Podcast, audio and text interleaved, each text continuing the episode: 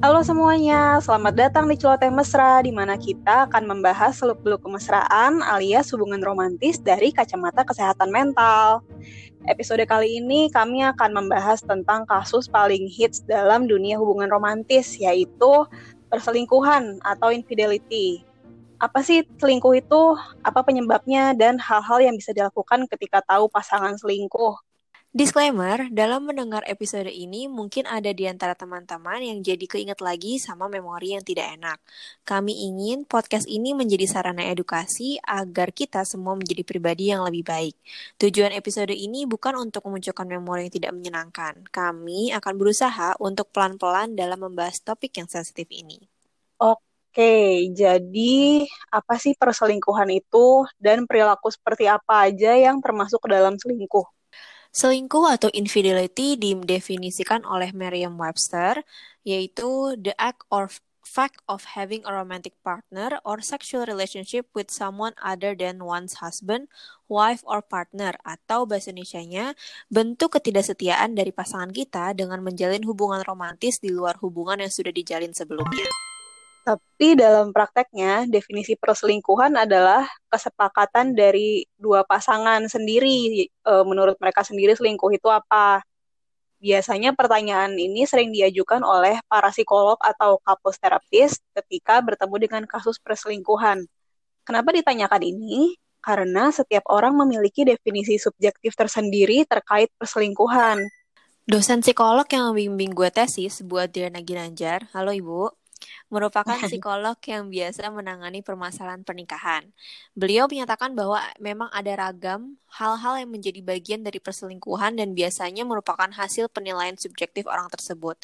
Ada yang melihat dari hubungan emosional yang terjalin dengan selingkuhannya. Uh, ada juga yang karena berhubungan seksual atau mungkin karena sering ketemu itu disebut selingkuh. Sering online chatting juga mungkin ada orang yang bilang itu perselingkuhan juga atau misalnya uh, kita merasa pasangan kita lebih terbuka dengan orang lain. Biasanya nih kalau pasangan kita sering curhat sama orang lain bukan sama kita, hmm. itu juga bisa dinilai selingkuh. Sering menonton film porno juga bisa nih dinilai selingkuh oleh beberapa orang atau adanya kerahasiaan yang semakin hari semakin banyak misalnya kalau kita tanya ke pasangan kita tadi kamu pergi ke mana jawab jawabnya cuma ya dari tempat biasa lah. Pernyataan ini juga sesuai dengan penelitian tahun 2015 oleh Naomi P. Moller dan Andreas Moller yang mencoba menc mencari satu definisi jelas terkait infidelity. Ternyata memang infidelity sangat bergantung berdasarkan pengalaman pribadi dan sudut pandang subjektif dari masing-masing kita. Bisa jadi yang kita rasa hal tersebut sebagai selingkuh belum tentu sama seperti definisi selingkuh sama yang dimiliki sama orang lain gitu. Kalau menurut Betul. lo apa selingkuh itu? Definisinya apa? Uh, menurut gue sama seperti yang tadi gue udah sebut dari Merriam-Webster itu bahasa bahasa Indonesia-nya ya bentuk ketidaksetiaan dari pasangan ketidaksetiaan hmm. dalam artian banyak hal banget sih kalau buat gue misalnya kayak uh, chatting online hmm, kalau curhat mungkin gue masih harus lihat dulu ya curhatnya dalam bentuk apa kalau misalnya hmm. pasangan gue ini curhatnya karena curhat kerjaan ke teman kerjanya yang mana gue pasti nggak ngerti gue masih fine. Tapi kalau misalnya curhatnya udah sampai hal-hal yang personal banget dan gue nggak tahu nah itu bisa jadi masuk perselingkuhan sih kalau gue gitu. Kalau menurut lo gimana ya? Menurut gue selingkuh itu definisinya sama sih ketidaksetiaan ya intinya. Namanya juga infidelity gitu kan. Tapi ya balik lagi uh, tindakan apa aja yang termasuk selingkuh itu mungkin mungkin beda-beda bagi gue sama bagi lo mungkin beda gitu kan. Kayak kalau selingkuh yang udah jelas obviously itu selingkuh kan kayak lo sayang-sayangan sama orang yang bukan pasangan lo uh, ada hubungan fisik sama yang bukan pasangan lo atau emosional. Pokoknya hubungan-hubungan yang harusnya sama pasangan lo tapi dilakukannya sama orang lain gitu itu pas, udah mm -hmm. pasti termasuk selingkuh cuman ada hal-hal yang ada term yang gue nggak tahu ini termasuk technical atau enggak namanya micro cheating hmm. jadi uh, hal-hal yang kayak kayak hampir selingkuh kayak boundary banget gitu kayak thresholdnya banget kayak misalnya tadi chatting terus mainan dating app ketika lo lagi punya pasangan mm. kayak mm-hmm. ya sebenarnya iseng aja sih main dating app pengen tahu gitu tapi balik lagi tergantung kesepakatan sama pasangan pasangan lo oke okay nggak lo main dating app gitu misalnya atau pasangan lo mm-hmm, oke okay nggak mm-hmm. lo chatting yang lumayan intan sama temen lo yang apa sih cukup mm-hmm. gitu kan balik lagi sih kesepakatan mm-hmm. masing dari pasangannya juga gitu ini tuh kayak uh, those little things yang mungkin dianggap orang sepele mm-hmm. Tapi bisa jadi harm harmful banget buat relasinya iya. ya kayak coba-coba berhadiah uh -uh. gitu masuk ke dating app just because pengen pengen tahu tapi ya bisa jadi kan ya namanya iman orang bisa berbeda-beda mm -hmm. ya ngomongnya sekarang kayak enggak aku nggak bakal kegoda tapi besok-besok belum tentu gitu kan mm -hmm.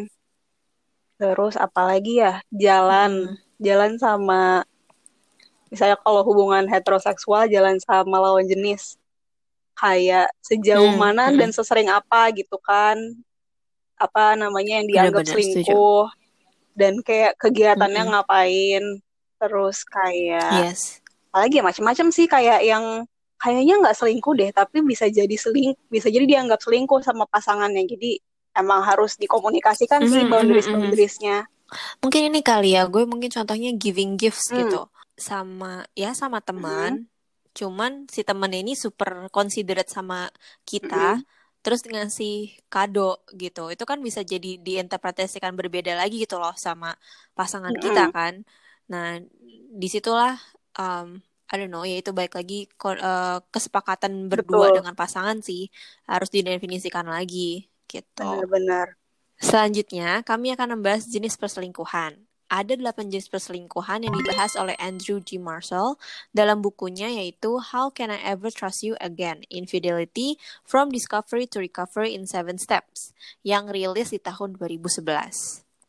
Jadi yang pertama ada accidental. Misalnya mm-hmm. cinlok sama teman lama pas lagi reunian atau tiba-tiba nyaman dan ada perasaan lebih sama sahabat aduh hmm. ini suka ini suka jadi salah satu latar belakang yang hits juga ya suka terjadi nih di pernikahan-pernikahan yang udah ya dewasa gitu lah kayak usia-usia mm -hmm. mateng gitu kayak kan SMA mm -hmm. udah lama mm -hmm. dulu sempet suka sama temennya yang ini tapi nggak pernah jadian eh pas ketemu lagi baru deket Mm-mm. Terus uh, si gebetan yang zaman SMA tuh dulu masih cukup, mm. sekarang udah sukses iya. gitu ya. Jadi ganteng, mm. jadi cantik. Ada. Uh, uh, ya. ini, iman. ini sering terjadi. Nah, yang kedua ada cry for help. Selingkuh yang terjadi karena ada masalah dengan pasangan dan tidak diselesaikan. Hmm. Instead of menyelesaikan masalah, kita memilih untuk berselingkuh. Bisa juga disebut dengan avoidance affair pengecut gak sih? Nah ini yang nggak boleh nih. pengecut gak sih kayak Bener. kabur? Uh, mungkin contohnya yang kemarin baru aja hits itu kali ya yang katanya ghosting. Oh, oh ya ya ya. Di sebenarnya dia nggak nyelesain masalah ya dan menurut gue itu memang jatuhnya selingkuh sih karena belum selesai. Iya belum selesai tapi tahu-tahu dia kelihatan udah sama cewek lain di publik lagi. Mm-mm. Jadi putusnya pun putus sepihak dan ya nggak enak mm -hmm. lah nggak ada closure-nya. Gitu. Terus yang ketiga ada retaliatory perselingkuhan yang terjadi karena ingin melakukan balas dendam. Misalnya setelah kita tahu pasangan kita selingkuh kita pengen balas dendam selingkuh juga dengan alasan supaya dia paham apa yang gue rasain. Hmm, hmm, hmm, hmm. Ini juga sering ada di para netizen ya.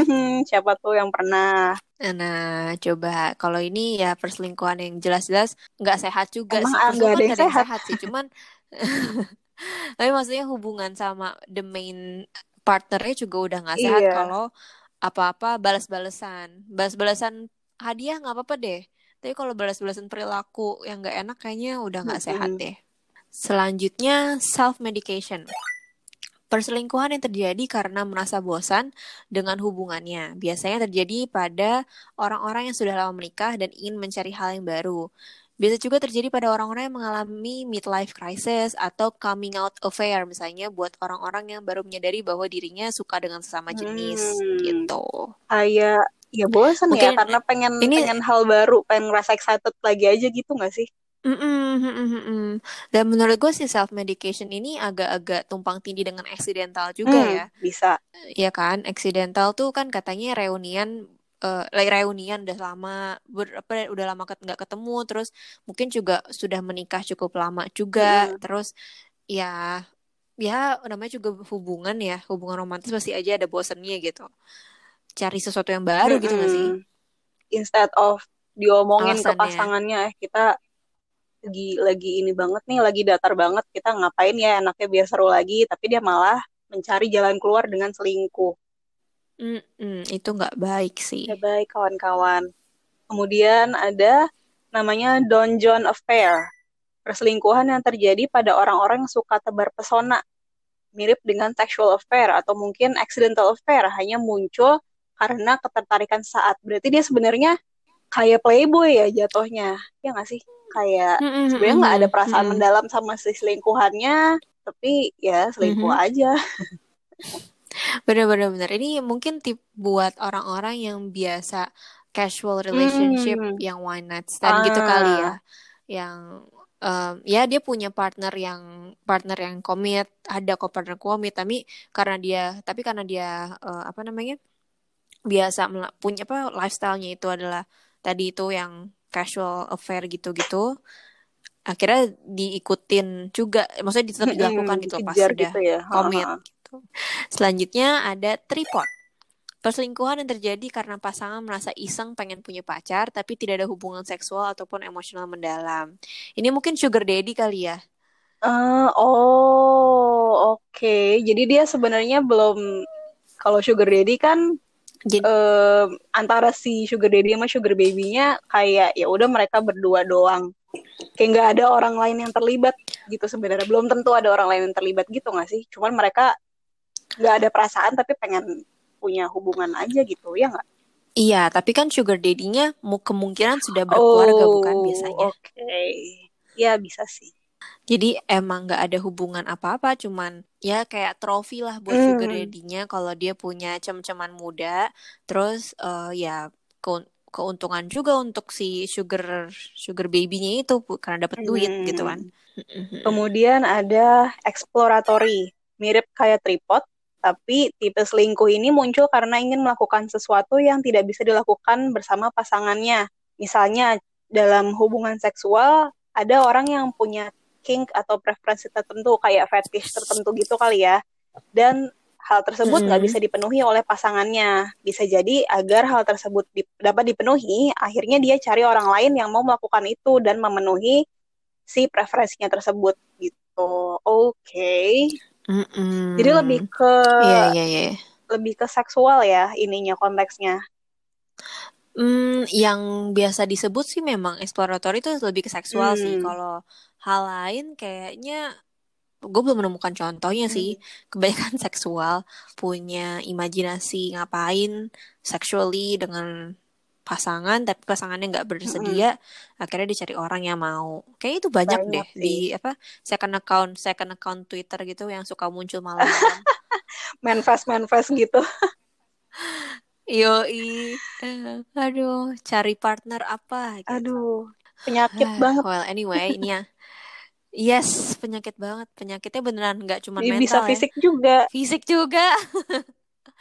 Iya. Oke, ini yang terakhir yaitu exit. Mm -hmm.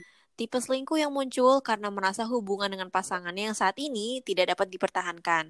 Sebuah bentuk iseng yang berhadiah, iseng selingkuh dapat pasangan baru dan hubungan dengan pasangan lama diakhiri. Oh, banyak nih. Jadi, uh, uh, jadi kayak belum selesai satu, tapi udah diambang banget, akhirnya cari pasangan lain, walaupun emang belum official misalnya. Iya, ya kayak udah tahu nih nggak bakal ke mana-mana sama pacarnya, kayak udah bete juga mungkin ya cuman gue sih merasa yakin dia tuh pengecut aja buat mutusin. Jadinya dia malah mm -hmm. cari jalan lain dengan selingkuh dengan udah cari. Kadang uh, kadang belum tentu selingkuh as in eh lo jadi pacar gue ya gitu. Belum tentu gitu juga kayak udah udah tebar jaring dulu mm. gitu. Kayak udah deket-deketin dulu. Mm terus ketika akhirnya putus sama pacarnya yang ini langsung jalan sama yang satunya. Iya. Kalau tebar kalau lo bilang tadi tebar jaring dia tinggal milih iya. yang mana yang mau sama uh, dia gitu kan? Kayak dia udah udah punya kandidat sebenarnya dari sebelum dia putus. Terus pas udah putus yes gue udah punya cadangan Aduh. Supaya ini ngebahas delapan jenis perselingkuhan membuat gue lelah. Pasti teman-teman ada yang relate juga kayak, eh gue tahu nih siapa yang kayak gini atau aduh gue pernah nih kayak gini atau mantan gue pernah kayak gini. Semangat hmm, ya. Hmm, hmm. Reminder jika teman-teman merasa kurang nyaman di tengah-tengah mendengarkan podcast ini, teman-teman bisa berhenti sejenak dulu Coba atur napas kalian dengan baik. Tarik napas melalui hidung selama empat hitungan. Tahan dalam tujuh hitungan.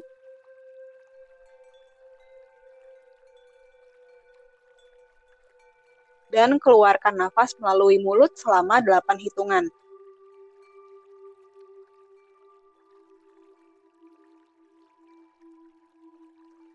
Ulangi lagi teknik ini hingga teman-teman merasa nyaman.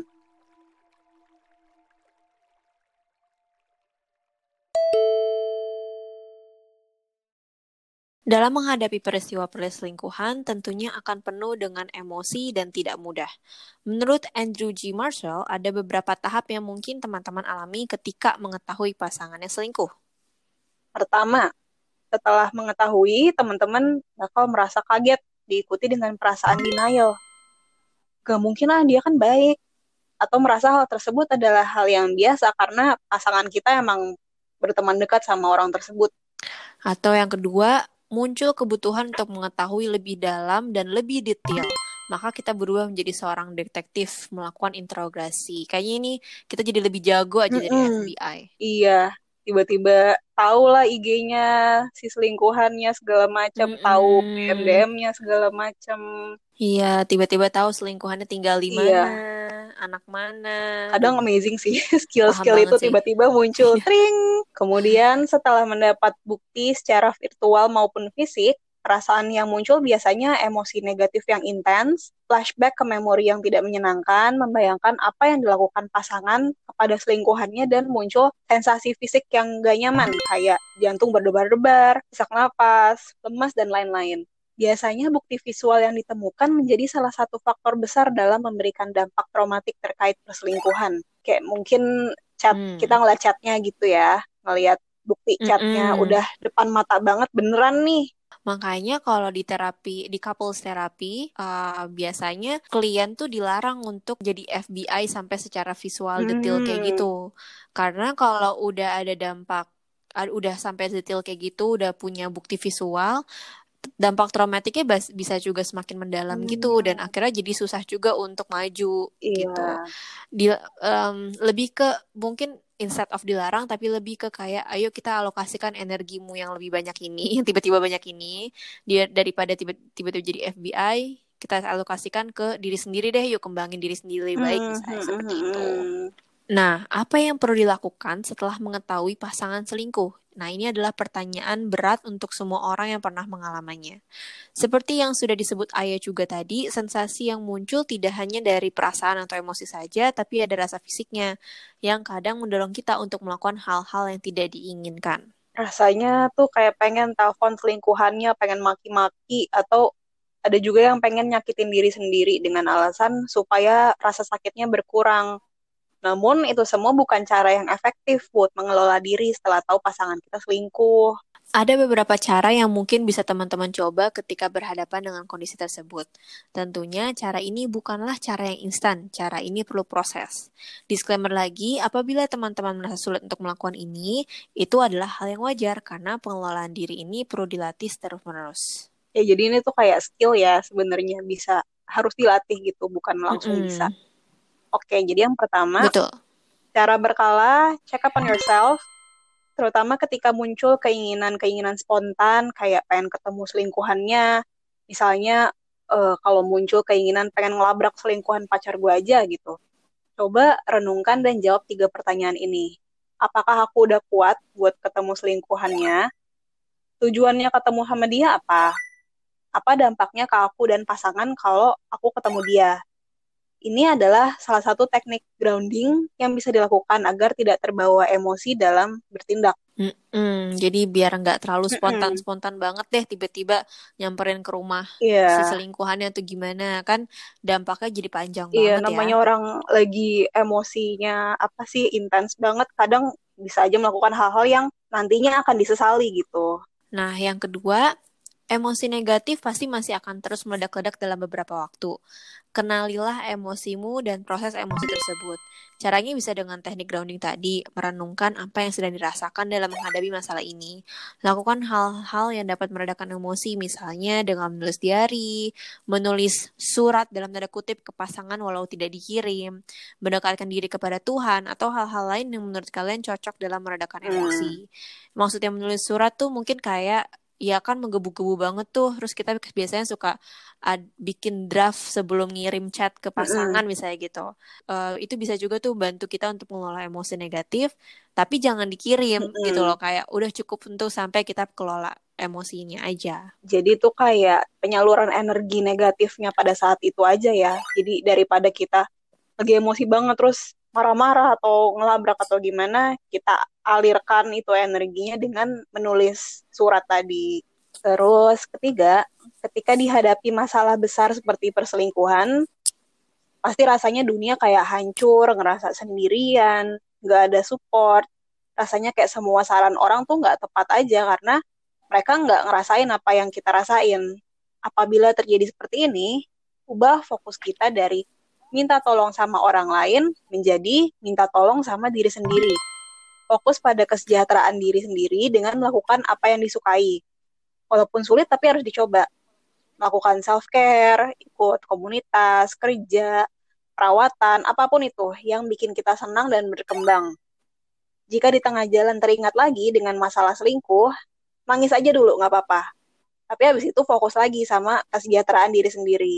Nah, perlu diingat nih, maksudnya self-care itu bukan tujuannya untuk uh, melupakan atau nggak hmm. mikirin dulu deh emosi negatifnya, bukan itu ya.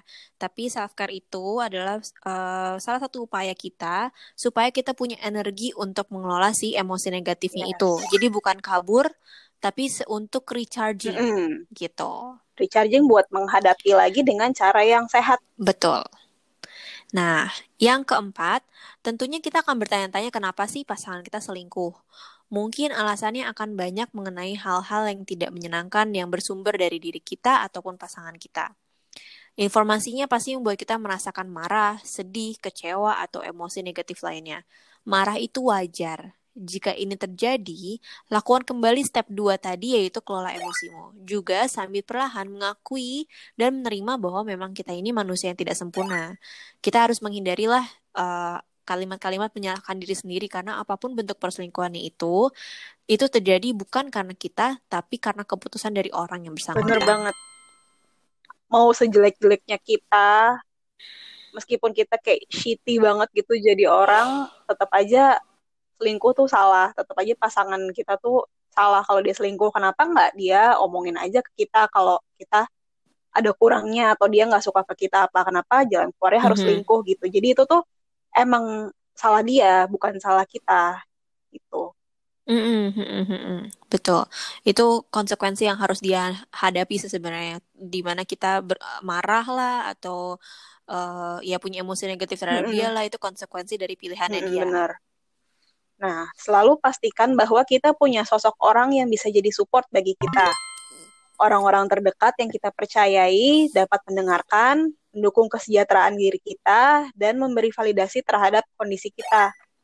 Hindari untuk orang-orang yang judgmental dan menggurui, karena dalam kondisi kayak gini yang paling diperlukan adalah validasi dan pendengar yang baik. Setuju banget. Tadi tuh dibilang ubah fokus dari minta tolong ke orang lain jadi minta tolong sama diri sendiri ya, tapi maksudnya bukannya mm-hmm. jadi gue nggak perlu orang lain dalam situasi ini gitu tapi ya tetap perlu tapi kayak buat tempat lo curhat, tempat misalnya lo pengen nyalon bareng, ajak temen nyalon bareng, kayak gitu-gitu. Setuju, setuju, setuju. Mungkin ini kali ya, teman-teman kita ini kan manusia juga ya. Mereka itu punya energi dan kapasitas dalam mendengarkan curhatan kita juga tertentu Mm-mm. gitu loh. Nggak, nggak selalu 100%. Uh, ya namanya manusia, kalau kita curhat terus-terusan topik yang sama, teman kita mungkin juga bosen juga dan capek Mm-mm. juga kali ya dengernya.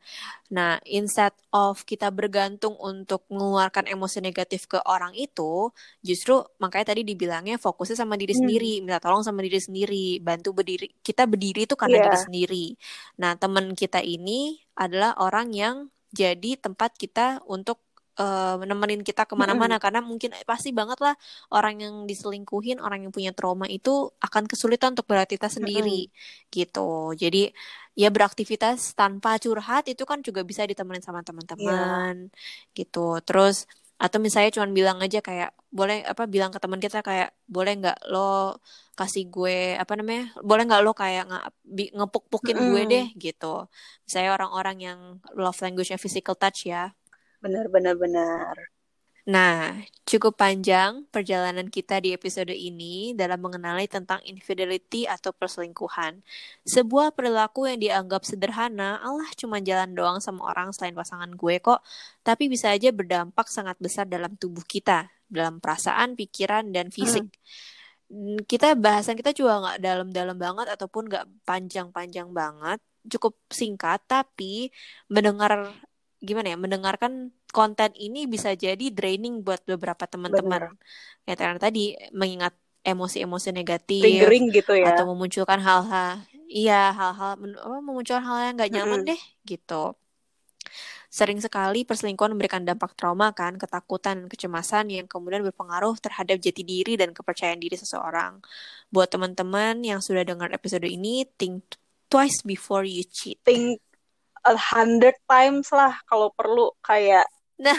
jangan deh ngapain sih. Ya namanya juga manusia ya, iman tuh kadang suka digoda banget gitu. Tapi ya baik lagi, coba ingat lagi deh tujuan kita menjalin hubungan sama pasangan tuh dulu apa sih gitu. Sejelek-jeleknya pasangan kita, senyebel-nyebelinnya pasangan kita, tapi kan ada dong have uh, have fun-nya sama dia, ada dong hal-hal yang bikin kita kangen, bikin kita sayang banget sama pasangan gitu. Ya pasangan kita kan kita anggap nyaman juga ya. Mm-mm. Kalau nggak nyaman sama pasangan mah, mendingan sumpah deh mendingan udahin aja gitu daripada selingkuh. Betul betul Ini buat betul. yang pacaran ya, mungkin kalau buat yang udah nikah lebih susah lagi ya dari keluar dari hubungannya. Jadi mungkin ada step-step Mm-mm. lain yang bisa diambil. Ya, kalau buat nikah, misalnya udah berkeluarga, udah punya anak, kalau udah mau selingkuh gitu, inget deh anak lo. Iya, sui sumpah. Iya, kayak ya iben apa gimana ya? Gue tuh percaya sama karma Hmm. ya. Apa pun yang dilakukan sama kita sebagai orang tua, pasti ada aja yang tiba-tiba kebales di anak kita Oh. gitu.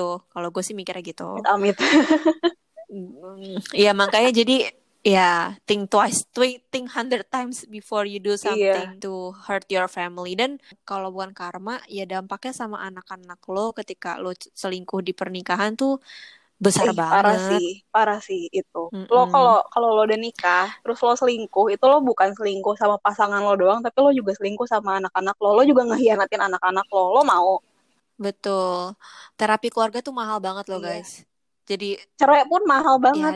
Cerai daripada pun mahal banget. iya, Heeh. Jadi daripada itu ya ya udahlah, nggak usah selingkuh ya kalau bosen ya Iya, komunikasikan. diomongin. Biasain komunikasi yang Mm-mm. terbuka, asertif sama pasangan dalam menghadapi masalah. Kayak maksudnya masalah tuh ya ya ada konflik yang obvious, ada yang gak obvious kayak bosan-bosanan tadi. Itu kan sebenarnya bisa dibilang masalah juga ya meskipun kayaknya nggak ada sesuatu yang terjadi gitu. Ya omongin aja. Kayak kita Iya, betul. kita bisa ngapain ya? Aku lagi ngerasa kayak gini nih, lagi kita kayaknya datar banget deh. Kita bisa apa ya biar lebih seru? Mhm, mhm, mhm. Atau kalau entah ya, ada beberapa orang yang mungkin uh, malu gitu nunjuk apa menyatakan bahwa dia bosen dalam hubungan. Ya coba dia uh, lu cari kegiatan bareng-bareng Iya sekeluarga bener. Iya.